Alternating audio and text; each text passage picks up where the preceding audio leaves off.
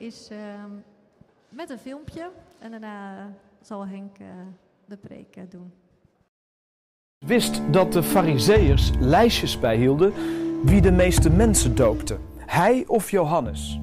Volgens de Fariseërs stond Jezus op winst, waardoor iedereen de indruk kreeg dat Johannes en Jezus elkaars concurrenten waren. En daarom ging Jezus weg uit de provincie Judea en vertrok naar Galilea. Onderweg kwam hij bij het plaatsje Sigar, een Samaritaans stadje. Het ligt aan de rand van het veld dat Jacob lang geleden aan zijn zoon Jozef had gegeven. De bron van Jacob was er nog steeds. En Jezus was erg moe en hij rustte wat uit bij de bron. En het was midden op de dag. Toen een Samaritaanse vrouw kwam om water te putten, vroeg Jezus: Zou je mij iets te drinken willen geven? Zijn discipelen waren het stadje ingegaan om eten te kopen. De vrouw vroeg verbaasd: Hoe kunt u als Jood mij iets te drinken vragen? Ik ben toch een Samaritaanse vrouw? Want in die tijd wilden de Joden niets te maken hebben met de Samaritanen. Jezus antwoordde: Als je wist hoe royaal God is en wie ik ben, zou je mij iets te drinken hebben gevraagd. En ik zou je fris, levend water hebben gegeven. De vrouw zei: Meneer, u hebt niet eens een emmer meegenomen en deze bron is diep. Hoe wilt u dan bij het levend water komen? Bent u belangrijker dan onze voorvader Jacob, die deze put gegraven heeft en hem aan ons heeft nagelaten?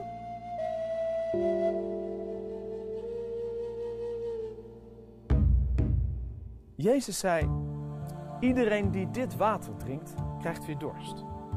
Maar wie het water drinkt dat ik geef, zal beslist nooit meer dorst krijgen.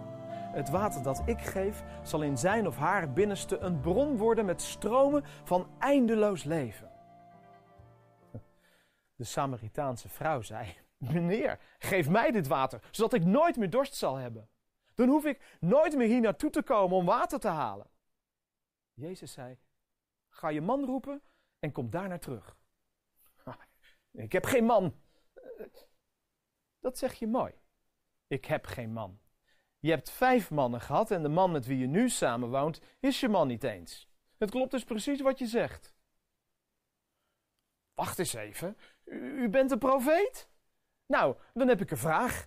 Onze voorouders hebben God op deze berg aanbeden. Maar jullie, Joden, beweren dat Jeruzalem de enige plaats is waar God aanbeden kan worden. Jezus zei, mevrouw, Geloof me, er komt een tijd dat jullie God niet zullen aanbidden op deze berg en ook niet in Jeruzalem. Jullie hebben geen idee wie of wat je aanbidt. Maar de Joden wel, omdat Gods redding uit de hoek van de Joden komt. En er zal een tijd komen, in feite is die er nu al, dat het er niet toe doet hoe je genoemd wordt of waar je God aanbidt. Het gaat erom wie je bent en hoe je leeft. Dat telt voor God. Je geest moet betrokken zijn bij je aanbidding en je streven naar waarheid. De Vader zoekt naar zulke mensen die niet de schone schijn ophouden bij hun aanbidding. God is wat hij is, geest. Wie hem aanbidden, moeten dat doen vanuit hun diepste wezen, vanuit hun geest, in volle overgave. De vrouw zei: Daar weet ik niets van. Maar wat ik wel weet, is dat de Messias zal komen. En als hij komt, zal hij ons alles uitleggen. En toen zei Jezus: Ik ben die Messias. Je hoeft niet langer te zoeken of te wachten.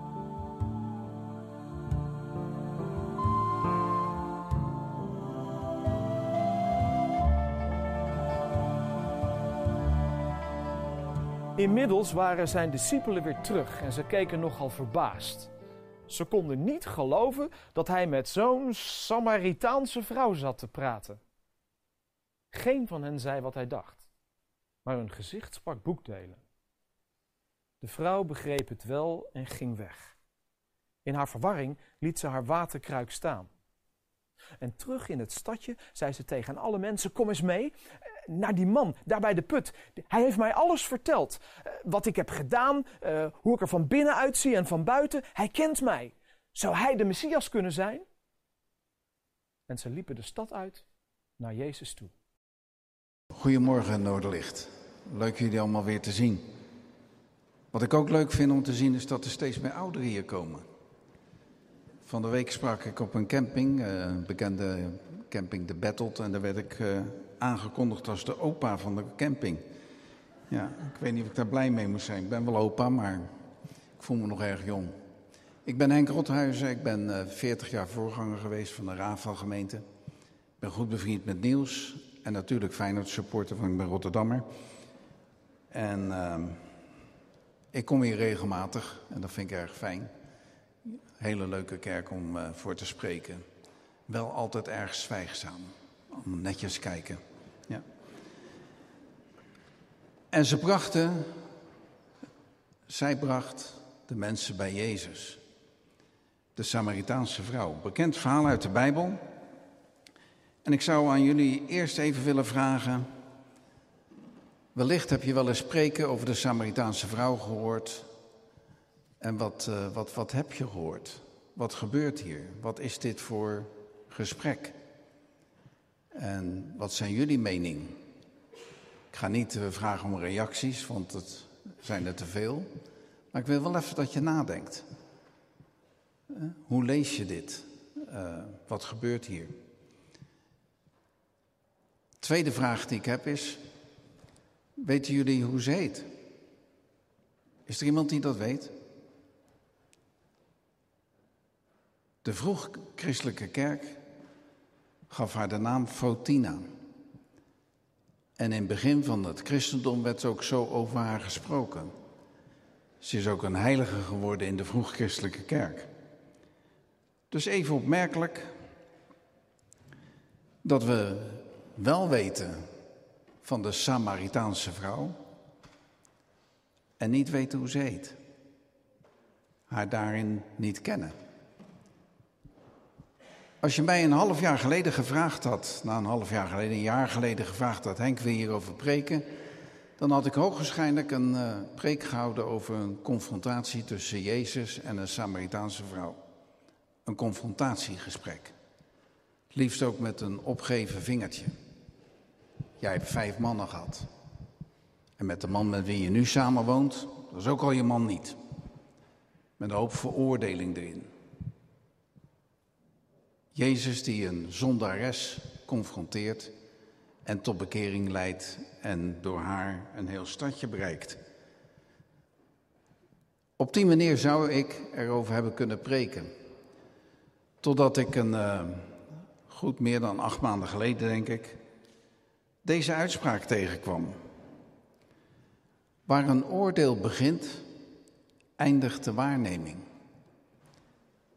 Als wij met mensen of naar mensen kijken met een oordeel, zien we niet meer wat er werkelijk gebeurt.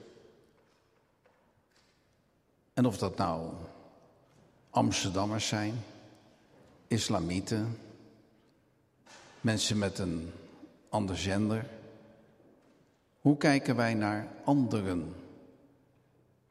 En is het niet opmerkelijk dat wanneer we daarmee beginnen met een oordeel, dat we ineens niet meer kunnen zien wat er soms werkelijk plaatsvindt.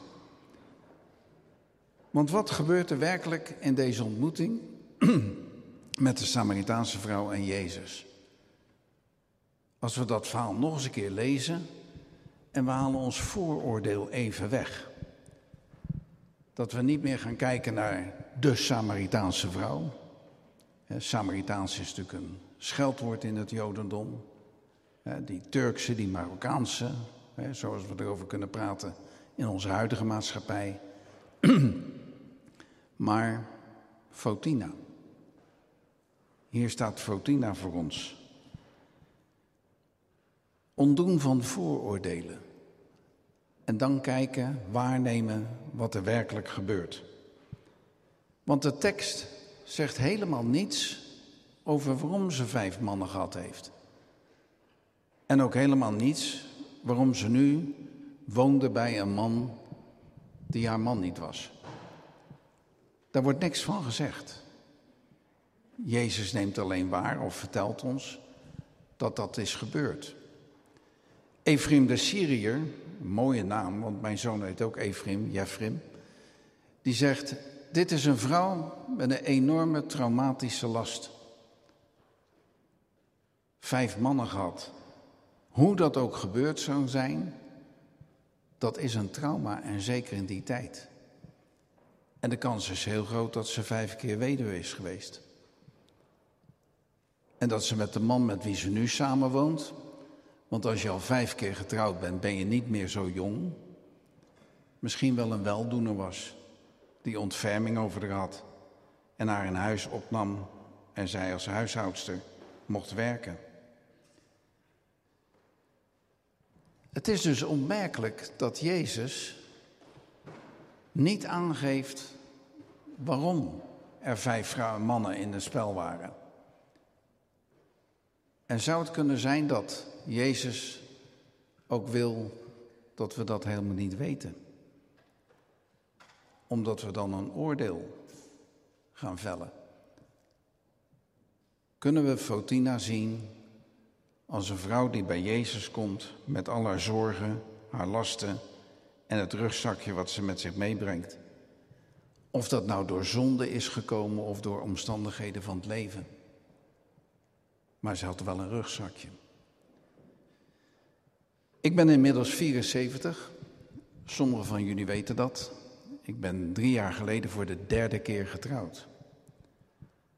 Dus ik heb ook drie vrouwen. En bij sommigen komt nu gelijk de vraag naar boven: oh ja, hoe is dat gekomen? Eén vrouw heb ik verloren door kanker. En dan zijn er ook mensen die naar me kijken en zeggen: Oh, dat is erg. Maar ik heb ook een vrouw verloren door echtscheiding. En dan zie je ineens gezichten anders kijken. Wie is de schuldige? Wat is er gebeurd? Beide waren grote trauma's in mijn leven. En wel trauma's die me meer geleerd hebben van Jezus en van God dan alle Bijbelstudies en preken die ik ooit in mijn leven heb gemaakt of heb gehoord. Jezus ontmoeten en kennen op de diepste momenten van je leven, of dat nou door zonde of door trauma's of door omstandigheden komt, is het mooiste voorrecht wat je mee kan maken. Fotina. Laten we eens naar dat verhaal kijken en onze vooroordelen wegnemen. Wat gebeurt er dan? Het allereerste wat we zien gebeuren is dit. Dat Jezus moe is en bij een waterput gaat zitten.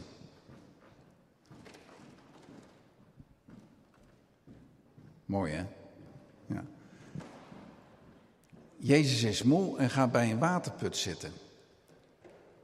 Doodgewoon moe. Die mooie Jezus, wat we ervan maken, zonderschoolplaatjes, is net zo moe als dat jij en ik ook moe kunnen zijn. Dus hij stapt in een alledaags tafereel. Gaat bij een waterput zitten en vraagt een glaasje water aan een Samaritaanse vrouw. Heb je wat te drinken?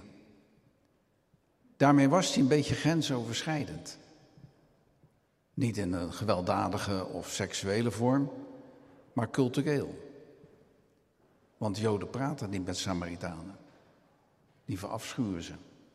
Dat is een bevolkingsgroep waar ze niks mee te maken willen hebben. Sterker nog, als je daarbij bent geweest, dan ga je thuis eerst reinigen. Want je bent bij Samaritanen geweest. En hij vraagt een glaasje water en bovendien, het is ook nog eens een keer een vrouw.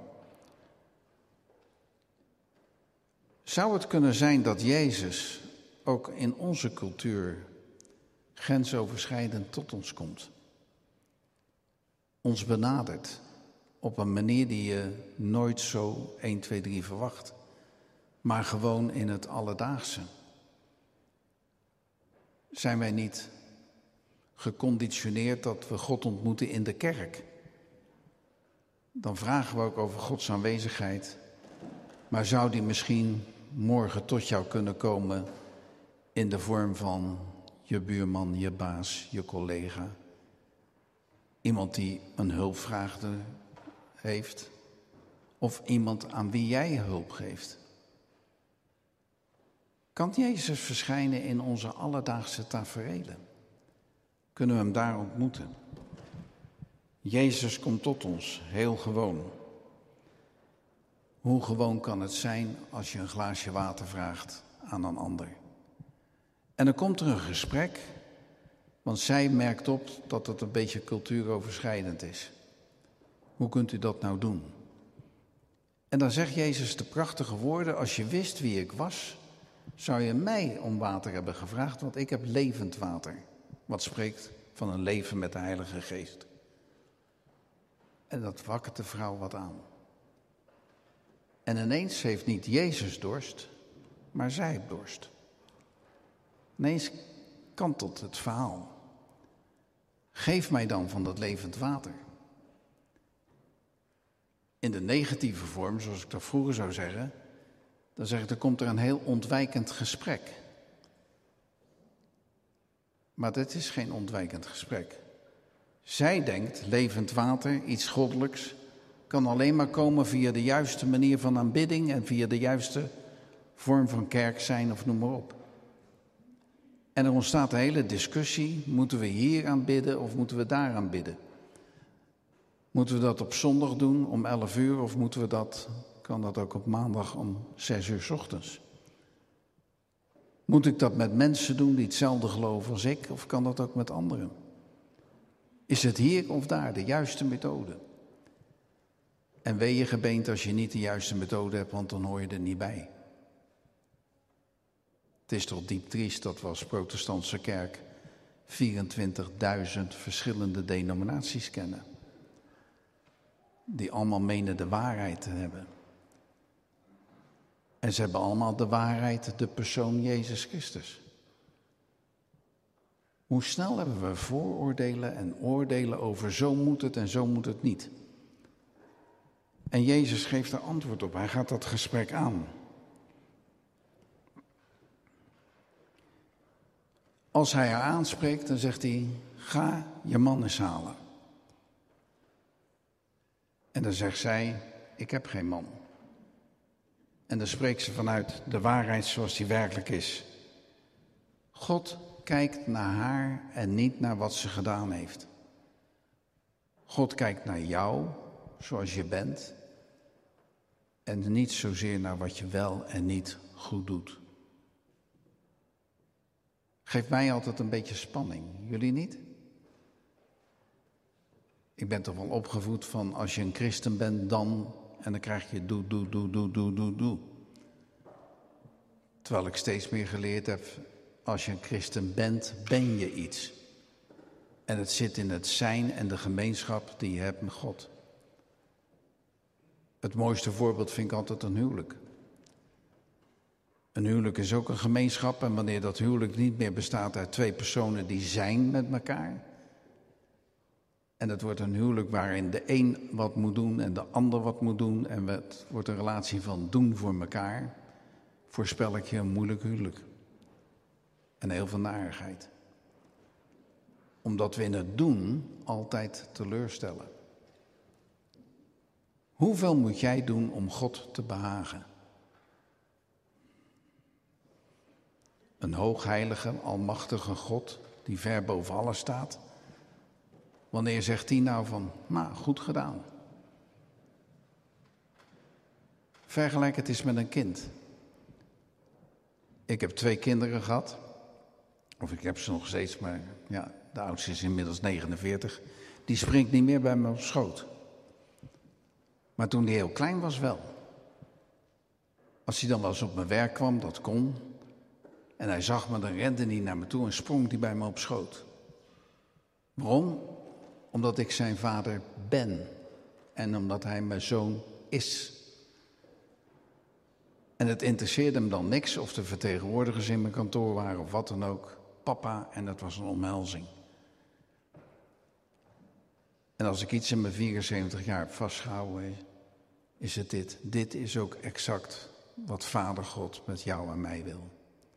Bij Hem komen zoals je bent, geliefd worden en gekend worden en met Hem zijn. En vanuit die liefde en gemeenschap komen de dingen die we doen. Jezus zegt, als je mij lief hebt, dan doe je de dingen die ik zeg. Want dat komt vanuit de liefde. En het is niet zo dat jij iets moet doen om de liefde van God te verdienen. God kijkt niet naar haar, naar wat ze gedaan heeft, of wat er tussen de relatie staat, maar hij kent haar. Ik vraag me af of hij ook Fotina gezegd zal hebben. Dat deed hij wel bij Zacchaeus. Ook zo'n afgewezene. Hij kende haar. Wat kunnen we nog meer leren? Van religie naar relatie gaan. Jezus gaat zitten bij de bron van Jacob. Hé, hey, dat is opmerkelijk. De bron van Jacob, de bron van het Oude Testament. Van de wetten. Dit moet je doen, dit moet je doen. En dit mag je wel en dit mag je niet. En dan wijst hij op het leven door de Heilige Geest, het levend water. Maar hij wijst ook nog op twee hele vreemde dingen. Hij zegt, het gaat niet meer of je op deze berg aanbidt of op die berg. Het gaat niet over wat je wel weet en wat je niet weet. Want jullie aanbidden wat je niet weet en wij aanbidden wat we wel weten. Wij weten een hoop dingen. Maar nochtans is dat nooit de reden dat we God aanbidden. Wij aanbidden God omdat Hij liefde is en omdat wij Zijn liefde kennen. En omdat we gekend worden in die liefde. Ik aanbid mijn vrouw, waar ik nu drieënhalf jaar mee getrouwd ben, voor wie ze is. En omdat de liefde heerst. En niet omdat we als we straks thuis komen de lunch al klaar staat. Toch? Jullie kijken me aan of ik sprookjes sta te vertellen. Het heet toch verliefdheid? Voor ons ligt de uitdaging God lief te hebben, dwars door wat we wel weten en wat we niet weten. Ik heb al eerder gezegd, ik ben 74 en ik word steeds meer verliefd op het mysterie van God. Ik voel me steeds comfortabeler in het feit dat ik nog zoveel niet weet. En ik ga me ook steeds comfortabeler voelen in datgene wat ik wel weet, daar ook vraagtekens achter te durven zetten. Ik trek de laatste tijd veel op met een katholiek met wie ik samen een boek geschreven heb. Die doet het zo anders en ik snap er geen bal van. Maar ik zie wel dat de liefde van God in zijn hart is uitgestort en dat hij gemeenschap met God heeft. Die ik ook heb. Zij het op een andere manier.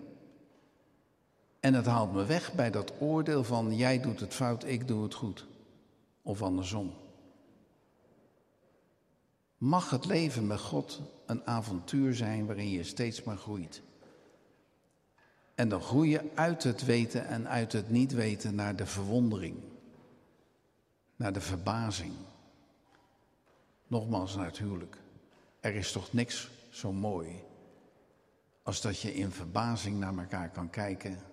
Wat ben jij lief, wat ben je mooi. En wat is er dramatisch als we dat na een aantal jaren niet meer kunnen zeggen. En dan zeggen we, ik ken je. Ik begin God steeds meer te leren kennen in wat ik niet weet en wat ik denk te weten. En ontdek dat hij veel groter is, veel mooier is en veel dichterbij en veel beter is om te kennen. Geloof me, er komt een tijd dat je nog op deze berg, nog in Jeruzalem, de Vader zult aanbidden. Ons probleem met waarheid. Denken dat godsdienst draait om waarheid die geen persoon is, maar een dogma. Maak van God geen dogma, maak van God een persoon die je lief heeft en die jou kent en die je aanspreekt bij je naam. De geest, het levend water, leidt ons uit wat we niet weten. En de geest leidt ons uit wat we denken te weten. En leidt ons in het mysterie wat het meeste lijkt op verliefdheid. Ik heb God lief. Ik leer Vader steeds beter kennen. Het is Zijn liefde die is uitgestort in onze harten. Ik leer Jezus steeds beter kennen. Hij wordt voor mij steeds mysterieuzer. Hij doet soms zo vreemd. Hij praat met Samaritanen. Hij zegt soms rare dingen. Maar één ding weet ik wel: hij veroordeelt nooit. Ook mij niet. Ook jou niet. Ik verbaas me steeds meer over de Heilige Geest. Hoe die ons leidt in het dagelijkse leven, in de dagelijkse taferelen. In de spanning wel of niet een filmpje in de kerk. En dat het dan ook wel goed komt. En als het niet goed dat het komt, dan komt het nog goed. Hij leidt ons altijd. Hij is altijd bij ons. Heel vaak hebben we het over het woord aanbidden. Aanbidden in het Grieks heet proskunio. En betekent niets anders dan terugkussen.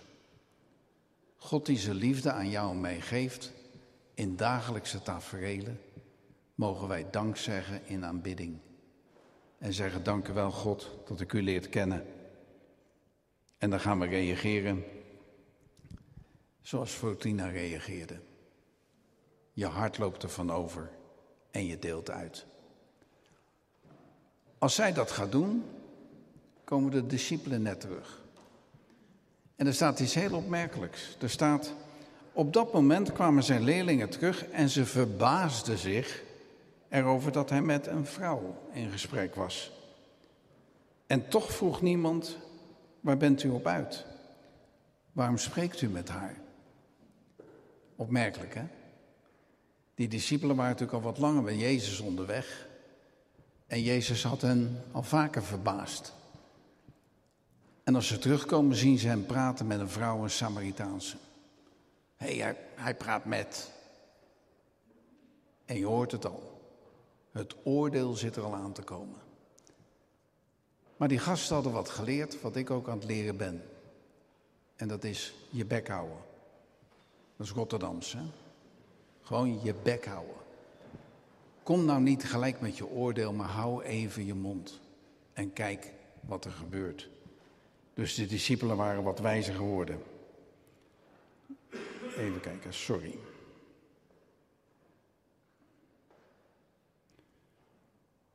En ze stappen daarmee in het mysterie, je verwonderen over wat God doet. Je verbazen over zijn genade, je verbazen over zijn liefde. Ze zien iets voor hun ogen afspelen en zijn zo wijs hun mond te houden. God werkt op vele manieren in deze wereld. En niet altijd via het straatje Noorderlicht. Ook niet altijd via het straatje Rafael, wat ik vertegenwoordig. Ook niet via het straatje Paus Franciscus. Maar hij werkt wel. Op vele manieren. En in plaats gelijk een oordeel te hebben, een stapje terug doen, je mond houden en kijken wat God doet, maakt dat je liefde voor God alleen maar zal groeien. Ik wil afsluiten. Als wij nou onze mond even houden, waar staan we dan in dat verhaal? Horen we bij de discipelen die een tafereel zien en even moeite hebben hun bek te houden? Een wijze les. Misschien horen we wel bij het dorp, want nog zitten wachten op een openbaring van Jezus. Jezus leren kennen. En mag misschien Fotina bij je komen en je vertellen: Kom eens mee, joh. Ik heb nou toch iemand ontmoet? Wonderbaarlijk. Hij veroordeelt me niet, maar hij kent me door en door. En ik ben gekend in hem. Of zijn we zelf Fotina? Met ons rugzakje van drie huwelijken ons rugzakje van, en dan mag je het zelf opnoemen. En ik ben blij dat er wat meer ouderen hier zitten. Want hoe ouder je wordt, hoe voller je rugzakje. We maken allemaal dingen mee. Hadden we graag wat anders gezien. Toch? En wat een geweldig iets dat je met dat rugzakje bij Jezus kan komen.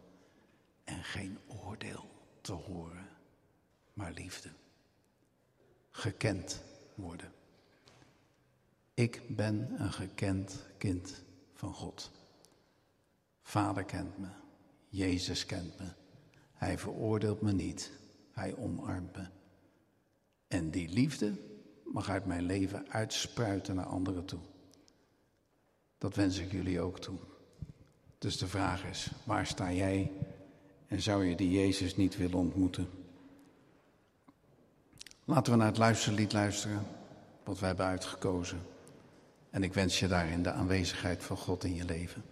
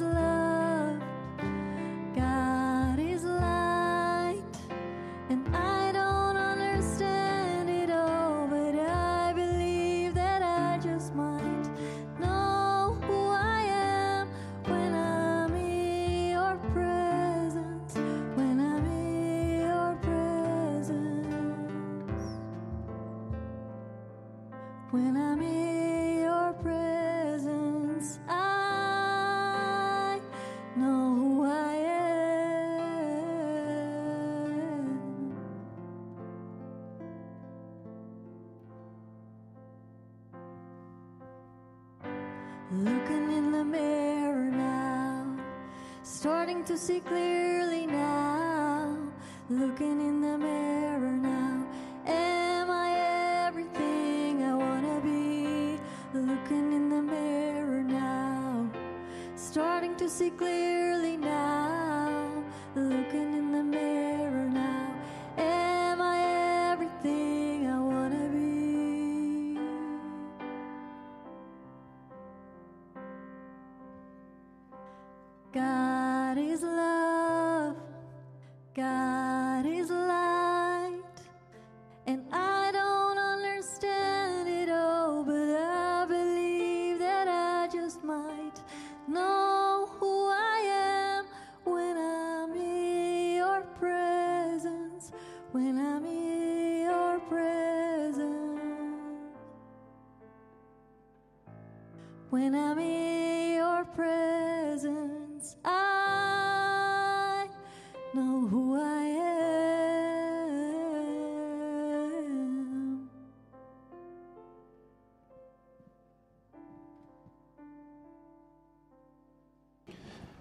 Misschien wil je met mij je hand open houden. God, u bent liefde. Vader, u bent liefde. U bent licht. En die liefde en dat licht komt tot ons En in uw liefde en in uw licht mogen wij gekend worden. Gekend worden voor wie we werkelijk zijn. En u aanvaardt ons zonder enige veroordeling. En het is uw licht en uw liefde die ons reinigt en heiligt. Niet vanuit eigen werken of proberen te doen, maar we laten uw geest zijn werk doen in ons, zodat we u beter leren kennen, terwijl u tegelijkertijd steeds verwonderlijker wordt voor ons. Dank u wel dat we in die verwondering ons veilig mogen voelen bij u en gekend worden. Dank u wel voor uw liefde. Dank u wel voor het licht dat op ons schijnt. Dank u wel, goede God, goede Vader, lieve Heer Jezus, Heilige Geest, trouwe vriend en trooster. Amen.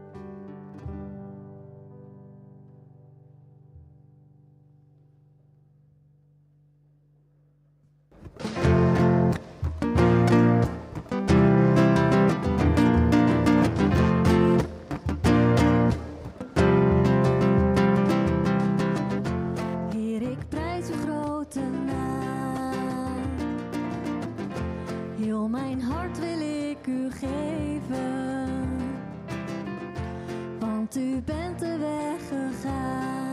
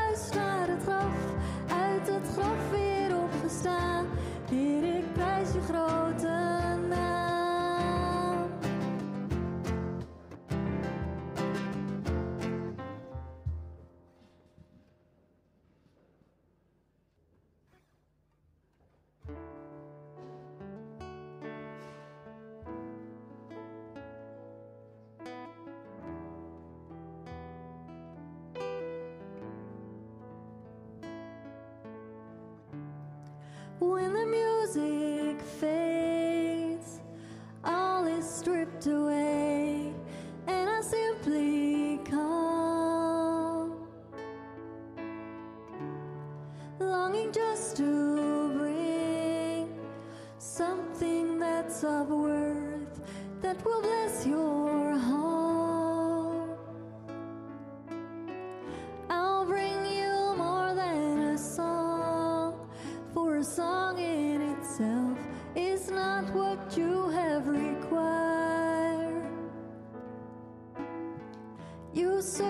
watched it.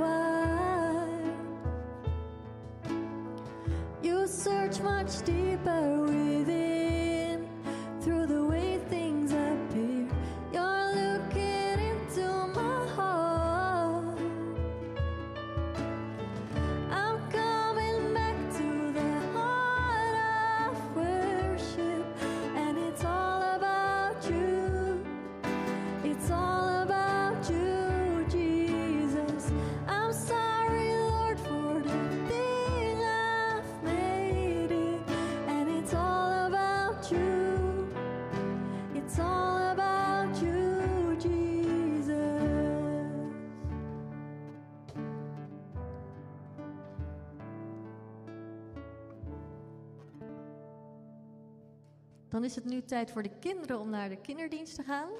Door de linkerdeur. Die deur. Goede dienst toegewenst voor jullie. Wij zingen nog één lied. Eh, misschien wat onbekender. Ik hoop dat jullie wel lekker meezingen, uiteraard. Uh, een psalm van de Psalm Project.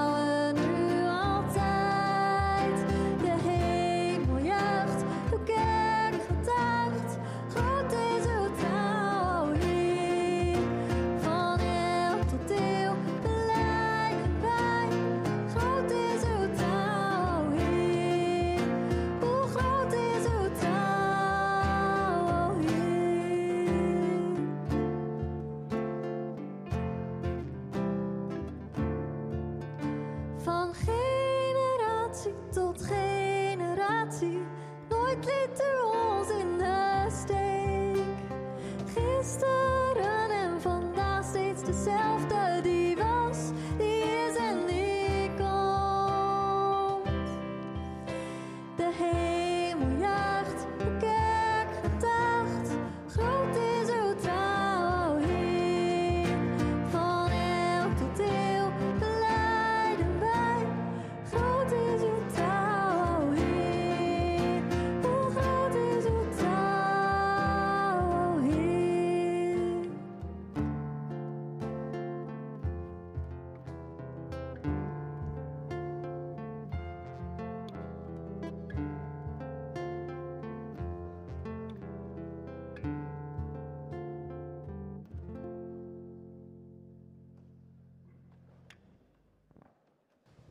Jullie mogen de zegen van de Heer ontvangen en wees een zegen voor anderen.